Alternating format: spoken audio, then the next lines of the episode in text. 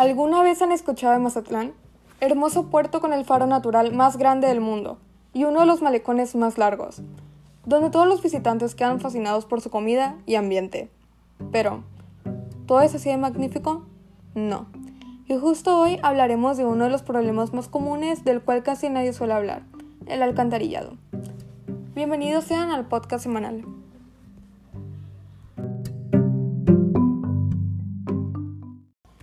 ¿El problema que identificaron en su localidad es nuevo? Claro que no lo es. El problema lleva años siendo así. Aunque no hay una fecha exacta desde cuándo comenzó, es un problema que ha afectado a varias generaciones aparte de la nuestra. ¿Qué consecuencias económicas, políticas y sociales tiene este problema en nuestra localidad?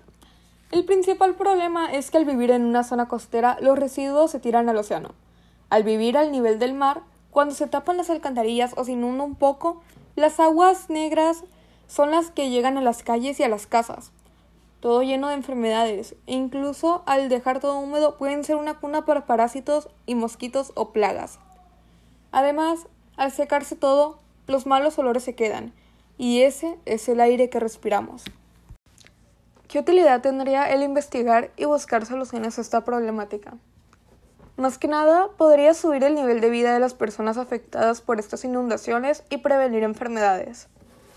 Los políticos o presidentes de la ciudad no lo ponen entre sus propuestas, pues poner otra planta tratadora de aguas negras es algo muy costoso y que no se nota a simple vista.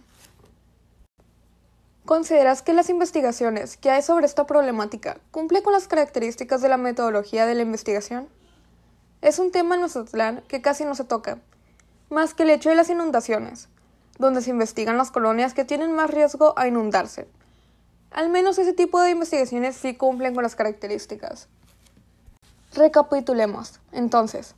Al final, este problema trae problemas de salud, de calidad de vida, tanto como una mala imagen a turistas, y nadie realmente se hace cargo de todo esto.